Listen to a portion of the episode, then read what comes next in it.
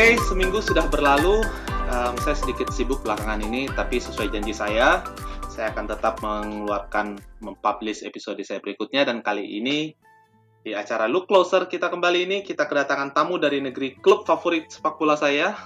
Dan dari mana? kita sambut saja langsung tamu kita, Elia Magang. Yeay. Halo, halo, halo, halo, halo. Dari Manchester. Wih, sedap. Manchester ini Manchester ini biru atau merah, Bung? uh, saya sih merah, tapi kotanya biru dan merah. Oke, oke, setuju. Saya juga merah selalu di sini. ini baju saya udah agak merah nih. Wah, mantap. Oke, uh, terima kasih ya Bung uh, udah mau diundang ke acara podcast saya padahal baru kemarin baru add friend juga di Facebook ya, minta maaf ya. Sama-sama. um, Oke, biasanya saya selalu mulai dengan uh, minta cerita sedikit, kira-kira statusnya apa di sana, belajarnya apa, terus tinggalnya di kota mana. Gak perlu terlalu spesifik juga, maksudnya terserah aja sih. Siapa tahu kadang ada orang yang nggak mau terlalu jelasin kan alamatnya di mana, it's okay juga. Oke, okay, oke. Okay. Ya, mulailah, mulai ya. Boleh, boleh, boleh ya. Oke, okay, saya uh, nama saya Elia Magang dan saya saat ini di uh, Manchester, UK, lagi mm -hmm. studi. Saya lagi uh, mengambil PhD dalam bidang teologi dan okay. uh, saya riset saya tentang saya mengkonstruksi teologi maritim Indonesia. Teologi maritim Indonesia. Iya, uh, saya uh, saat ini tinggal di Manchester dengan keluarga saya, uh, yeah. istri saya sama anak perempuan saya dan oh ya uh, uh, kami uh, sudah berapa ya setahun setengah lah ya setahun setengah uh, tinggal di Manchester dan ya masih banyak uh, tahun lagi baru selesai nah. dan kembali ke Indonesia. Oh mantap mantap. Ini boleh tanya sedikit uh, itu kenapa nih tertarik belajar tentang teologi maritim nih? Oke, teologi maritim. Uh, sebenarnya saya saya tertarik dengan ekoteologi, ekoteologi. Hmm. Uh, dan saya sih lihatnya uh, isu-isu yang topik-topik yang sudah dikaji ekoteologi uh, sangat banyak, tapi hampir tidak ada atau sangat sedikit sekali yang berbicara tentang uh, laut secara spesifik. Kebanyakan hmm. itu bicara soal secara umum bumi, tapi juga kalaupun spesifik biasanya di tanah, begitu. Ya, ya, ya. Nah, ya, ya. dan di samping itu laut juga uh, dianggap memiliki konotasi negatif dalam kekristenan, dalam Alkitab misalnya, sehingga membuat posisi laut itu sangat apa ya sangat rendah nilainya di mata orang-orang Kristen. Sepertinya ya, begitu. Itu ya saya jadi ingat ya dulu ada lagu sekolah minggu uh, apa itu ya uh, buang ke laut. Ya, dosa. Ya, dosa, dosa, buang. dosa buang ke laut. Luar biasa. itu perlu direvisi gitu berarti ya. iya. Dan ternyata lagu itu lagu-lagu seperti itu punya pengaruh terhadap cara berpikir orang Kristen sebenarnya. Dia membentuk uh, apa mindset atau world view dari orang-orang Kristen. Itu riset dari uh, Kimberly Patton di Harvard. Juga ada satu yang terbaru dari uh, seorang British theologian, Edmund Newell, yang bicara soal sakramentasi dan dia ngomong soal pengaruh apa uh, lagu atau himne Kristen yang berisi tentang laut. Ada yang positif, ada yang terkesan negatif dan ya di Indonesia sih yang populer lagu itu ya dari sekolah iya, iya. itu. itu yang tiba-tiba teringat di kepala saya. betul betul. Terus kita sudah besar dipelihara dengan lagu apa ya jauh ke dalam tubir laut kau melampaukan oh. dosaku gitu. Iya ya, iya nah, ya betul ya. Sehingga itu memberi ide terhadap buang sampah di laut ya anggap biasa saja karena itu tempat yang jahat. Iya. Nah, gitu. Waduh, ini kayaknya kita perlu bikin uh, seri baru lagi nih dengan dengan perbincangan khusus yang bahas teologi nih. Aduh, oh ya, juga uh, satu bung. Uh, mm. karena Indonesia negara maritim terbesar di dunia juga. Itu. Oh iya. Iya, betul. sedangkan Kristenan di Indonesia, teologi di Indonesia kayaknya belum terlalu menganggap itu sebagai satu subjek berteologi yang penting. Mm, mm, mm, mm, mm. Sedangkan kayak di uh, kekristenan di sekitar Laut Karibia atau di Hmm. Oseania, Pasifik itu, Hmm.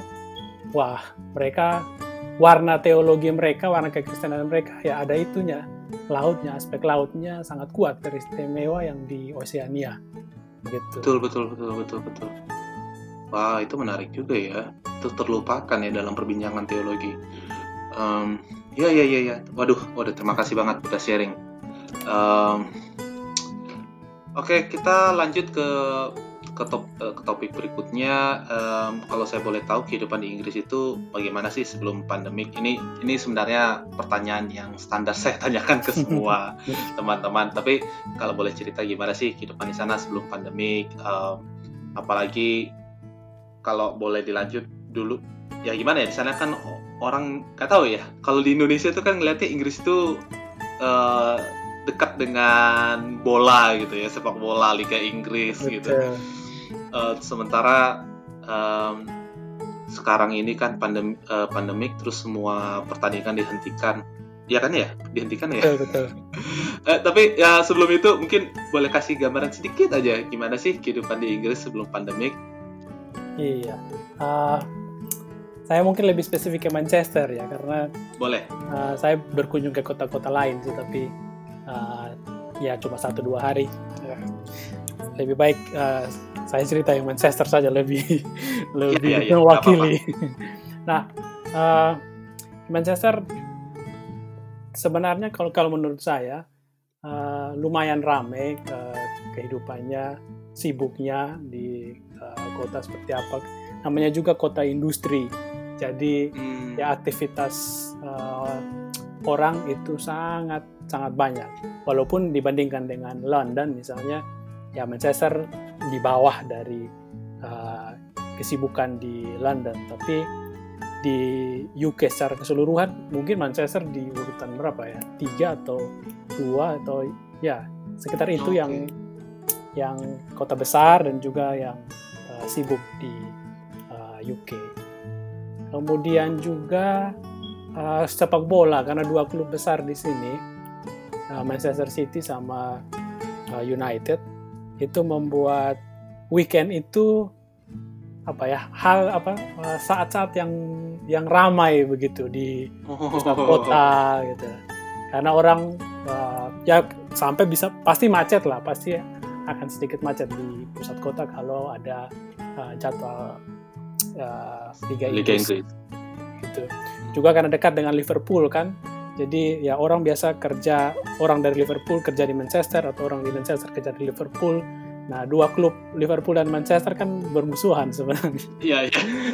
Tapi ya orangnya juga beraktivitas eh, pergi pulang kerja di stasiun-stasiun eh, kereta biasanya ramai sekali seperti itu. Termasuk saat Hmm, eh, mau pertandingan juga itu ramai. Oke oke oke. Nah, satu Terus? lagi Ah, Ya satu lagi tuh Bung, Uh, Iya, iya. Manchester itu kan kota hujan sebenarnya. Uh, cuacanya uh, hujan, uh, selalu hujan dan berangin. Uh, Oh. Matahari jarang keluar, begitu. Oh. Nah jadi ketika matahari keluar, itu semua orang pasti berhamburan di luar. Itu orang sangat bahagia. Itu sebelum sebelum pandemi. Jadi matahari itu sangat dinantikan. Nah, berbeda sekarang dengan pandemi.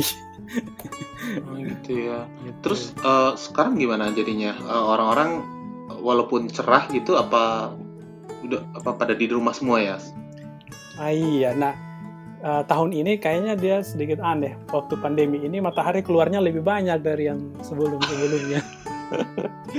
Bahkan kemarin panas gitu, panas Oh sekali. gitu. Dan mungkin karena orang-orang sudah tidak tahan lagi untuk keluar. Jadi kemarin itu eh, ramai lah di luar, di taman lah, di jalan lah. Eh, Itu itu orang-orang musim apa sekarang, Bung? sekarang ini eh, lagi menuju ke summer. Summer ya? Iya ya. Oke oke Iya. oke. Oh gitu. Orang-orang pada keluar. terus terus pada pakai masker nggak ya kalau boleh tahu ya? Nah itu Bung di UK tidak uh, tidak pakai masker, tidak di apa ya dianjurkan oleh pemerintah untuk pakai masker. Oh gitu. Ya, gitu. Mungkin satu-satunya kali ya, atau mungkin juga di negara di Eropa yang lain tidak pakai masker. Saya juga aneh. Hmm. Ya, oh gitu. Kemarin memang eh, ini udah dua minggu, eh dua minggu lalu sih ya, ketika saya bikin podcast juga, saya wawancarai, tepatnya istri saya wawancarai em, teman dari Australia. Mereka bilang juga di Australia nggak terlalu di di, di apa ya dianjurkan gitulah gitu. Eh, tapi dari kalau boleh tahu nih, ini eh, dari misalnya KJRI atau dari KBRI di sana, apakah ada anjuran sendiri gitu? Anjuran terpisah? Ada ada anjuran dari tapi tapi tidak untuk pakai masker setahu saya. Oh gitu. Iya, jadi mereka lebih uh, uh, menganjurkan kepada kita untuk mengikuti arahan pemerintah UK. Hmm, hmm, gitu. hmm, hmm, hmm. Nah, waktu itu kan sempat tuh perdana eh perdana menteri ya? Iya. Perdana menterinya kena kena ini kena Covid. COVID. Eh, itu itu gimana keadaan reaksi warga waktu itu? ada perubahan nggak ya? Ada ada gimana ya? Ya uh, kalau saya ikuti di berita apa di uh, Manchester Evening News itu uh, berita online, Hmm. ya memang banyak yang bicarakan juga sih. Memang ada sedikit apa ya ada perubahan kan sebelumnya uh, Pangeran Charles yang kena. Iya, oh Nah, gitu ya. Pangeran Charles uh, perdana menteri jadi ya diskusi yang berkembang ya COVID ini tidak pandang bulu. gitu. Orang-orang dengan tingkat keamanan kesehatan paling tinggi pun uh, kena juga begitu. Jadi kita yang kacang-kacang ini sebaiknya taat begitu. Tapi bedanya eh, eh, apa proses kesembuhan buat mereka juga lebih bagus ya buat daripada Betul, betul, betul. oh gitu. Terus eh, kalau kehidupan sehari-hari jadinya gimana? Misalnya ada ada kesulitan yang tertentu nggak yang kira-kira dialami yang boleh diceritain? Misalnya kalau kami sendiri di sini misalnya ya eh, memang jadi takut gitu misalnya mau belanja ke grocery store gitu, mau ke supermarket jadi agak takut. Jadi minta tolong teman kadang atau pesan online. Nah kalau di sana kira-kira gimana? Kalau di sini, kalau kami, kalau kami di sini, ya mau tidak mau harus pergi, tapi eh, merasa aman karena eh, apa supermarket itu punya protokol yang sesuai dengan anjuran pemerintah dan mereka Hmm. melakukannya dengan ketat. Jadi Hmm. antrian eh, harus harus berapa orang yang masuk duluan, yang lain tunggu bergantian lah belanja. Kemudian disediakan uh, disinfektan, tisu Hmm. supaya waktu kita ambil keranjang belanja sebelumnya di apa dibersihkan dulu pakai tisu yang kita semprotkan disinfektan sehingga Oh, iya. apa itu juga steril seperti itu. Oh gitu ya. Iya. Iya. iya, iya. Jadi jaga jarak juga di apa di dalam supermarket waktu waktu mau ambil uh, barang belanjaan ya ditunggu kalau satu lagi ngambil sayur ya yang lain ya ambil lain dulu lah. Iya, iya, iya, iya, betul, Iya, betul. jadi orang-orangnya juga juga sadar jadi ya kami tidak punya pilihan lain kan selain harus pergi belanja. Nah syukurnya uh, karena diatur dengan baik kami juga tidak khawatir akan kehabisan stok makanan seperti itu karena ada Oh, gitu. jumlah batasannya.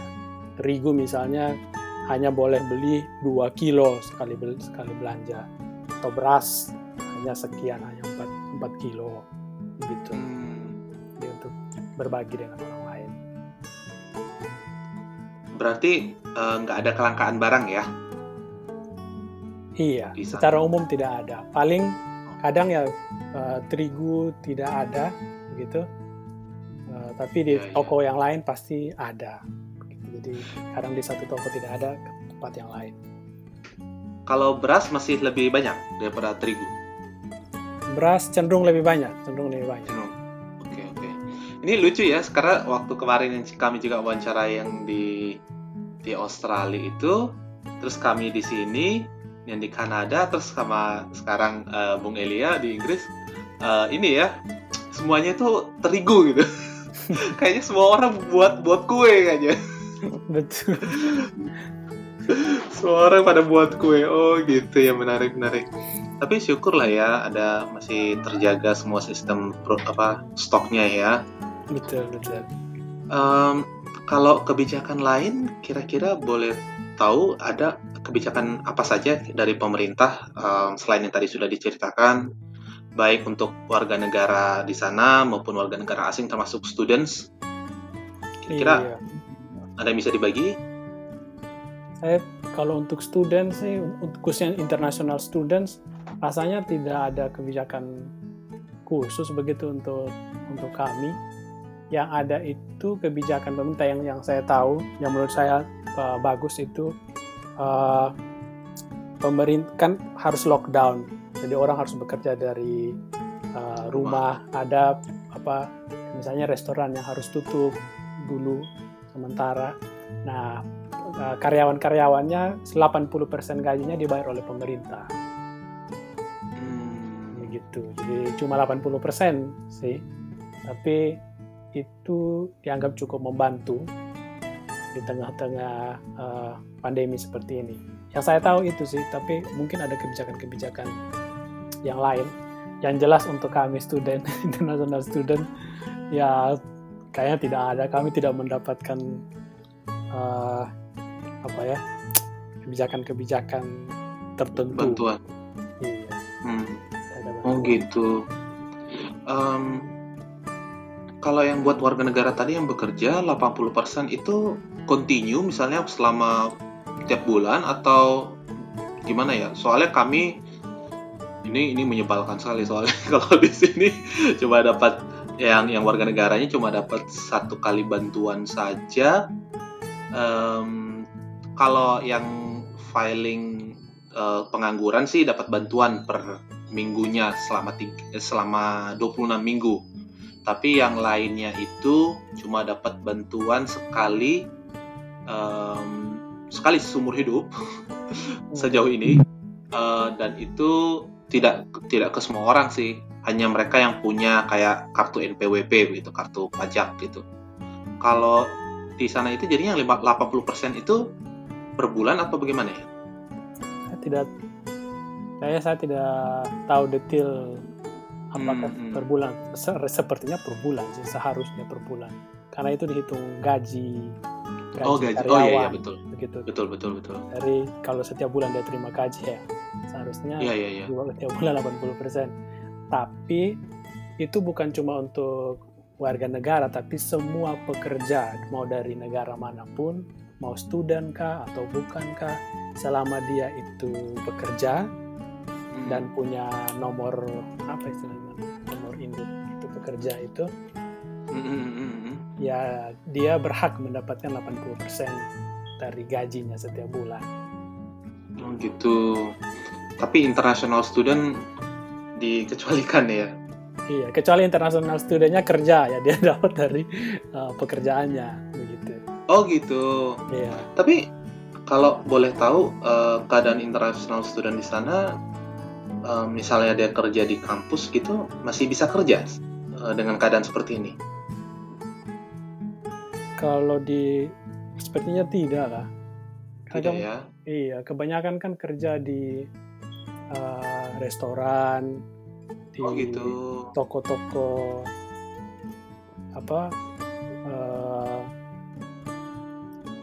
toko-toko busana dan seterusnya. Kalau yang PhD student ya jadi apa kalau di kampus jadi tutor ya mereka uh, masih lah masih karena tetap kan uh, aktivitas perkuliahan kan terus jalan walaupun dengan uh, online jadi mereka yang bekerja di kampus untuk uh, kuliah ya tetap tetap bekerja sih Oke, okay. kalau gitu langsung deh saya mau tanya tentang perkuliahan boleh ya? Iya ya jadi di lingkungan perkuliahan sendiri itu um, bagaimana berat ini sebenarnya masih ada kelas atau sudah mau selesai uh, akhir semester bulan Mei atau masih berlanjut modelnya? Karena kayak di sini ada yang modelnya semesteran, ada yang modelnya trimester, um, satu bulan begitu, dan uh, ada ada ada wisuda nggak ya di sana? Karena kayak kemarin saya wawancara juga teman dari Jerman, katanya memang nggak ada model wisuda di sana gitu. Hmm. Soalnya di sini ada wisuda, jadi wisudanya di cancel, dibatalin oh. karena biasanya iya bulan Mei kan, jadi uh, batalin uh, sedih sekali. Ada yang dipindahin sampai Agustus katanya atau Oktober, tapi masih nggak jelas juga um, ke, ke keberadaannya, kemungkinannya. Oh. Nah kalau di oh. sana keadaan perkuliahannya kalau boleh tahu gitu. Kalau di sini uh, sistem semester. Dan ah, okay. uh, sekarang ini kayaknya mereka mulai uh, ujian-ujian lah. Ujian hmm. semester. Kemudian submit tugas-tugasnya. Jadi perkuliahannya jalan sesuai dengan uh, timeline ya hanya uh, perkuliahan yang tatap mukanya yang dipindahkan ke diganti dengan online itu jadi prinsipnya semua tetap berjalan hanya tidak ada lagi face to face begitu Oh ya, juga wisuda.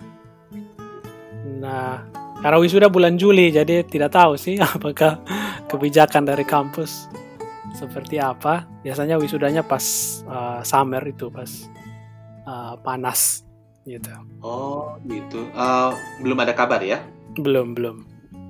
Belum, oke. Okay. Ya masih agak berapa bulan sih ya. Hmm, gitu ya.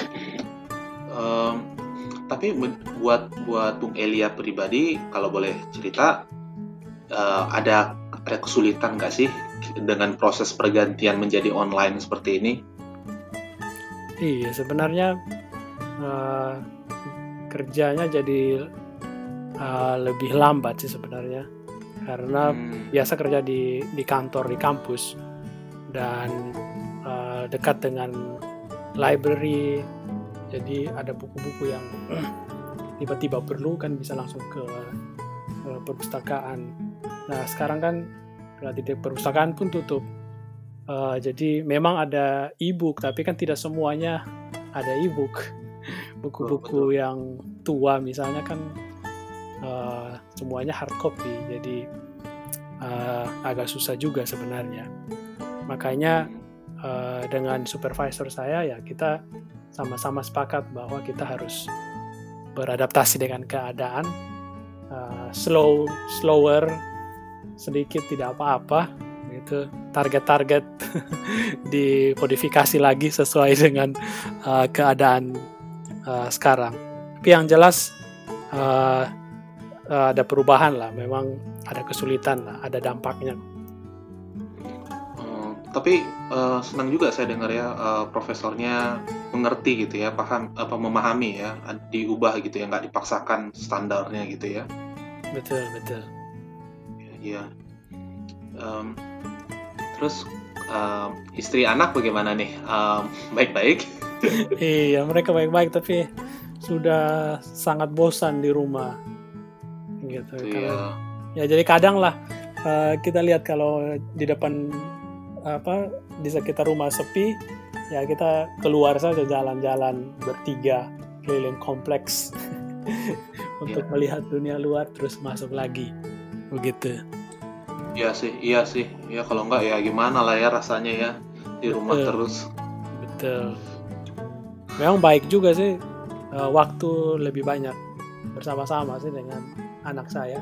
Hanya itulah working from home kalau ada anak tiga tahun. Oh. itu susah. Saya ketik dia naik di apa kepala saya bahu saya. Uh, memang iya, iya. berbeda sih keadaannya. Tapi ya coba untuk di dicari positif positifnya salut sih salut. Memang itu ya ya sedikit banyak sih juga saya dengar tantangan yang mirip lah yang Bung Elia rasakan. Uh, kalau buat keluarga ya apalagi ya masih anak-anak kecil mau gimana kalau kita nggak kasih perhatian kita ya? Itu dia betul. Iya iya waduh. Um, kira-kira ini kita menuju ke bagian-bagian terakhir ya. Um, kira-kira ada kekhawatiran dan harapan yang ingin disampaikan nggak? Um, selama ini dan kira-kira ke depannya bagaimana?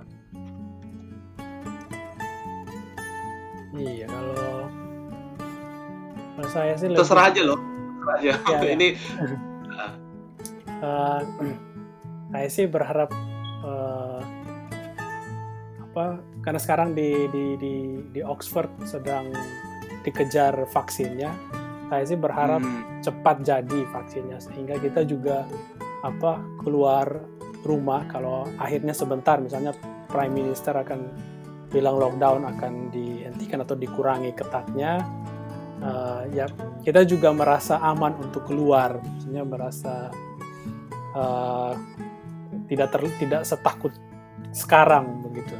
Ketika keluar dan ada ancaman virus segala macam. Tapi kalau vaksin sudah ada kan kita menjadi uh, biasa, biasa seperti kehidupan sebelumnya, begitu. Jadi ya itu sih harapan yang paling besar sebenarnya itu. Uh, cepat ada vaksin dan aktivitas bisa uh, berjalan kembali sih seperti sebelumnya. Ya, ya, ya. Buat para pendengar nih sekarang yang sudah dari tadi mendengarkan, kira-kira ada pesan khusus nggak buat kita semua di tengah-tengah pandemi ini? Terutama buat mereka yang juga sedang berjuang di mana pun itu, sedang berjuang studi, ataupun berjuang yang lain, yang lagi mendengarkan kira-kira ada pesan khusus nggak? Ya, saya suka lagu di tradisi gereja kami, di Gemit di Indonesia itu. Ada lagu setelah pengakuan iman, itu tahanlah dan berjuang terus. Amin. tahanlah dan berjuang terus dalam perjuangan kudus. Mungkin bisa sedikit disenandungkan? Kalau boleh. Tahanlah dan berjuang terus dalam perjuangan kudus. Kristuslah pokok kuatmu dan kemenanganmu tentu. Ya, gitu. Wih, terima kasih, terima kasih sangat menguatkan, menguatkan. Ya. Iya, iya. Ya, um, ya saya nggak tahu juga keadaan di sana bagaimana seutuhnya, tapi sama seperti Bung Elia tentunya saya juga berharap semuanya baik-baik buat Bung Elia, buat istri dan anak. Um, terima kasih ya sudah mau diundang, eh sudah mau diundang, sudah mau uh, diajak untuk uh, menghadiri secara online podcast saya Clue Closer ini.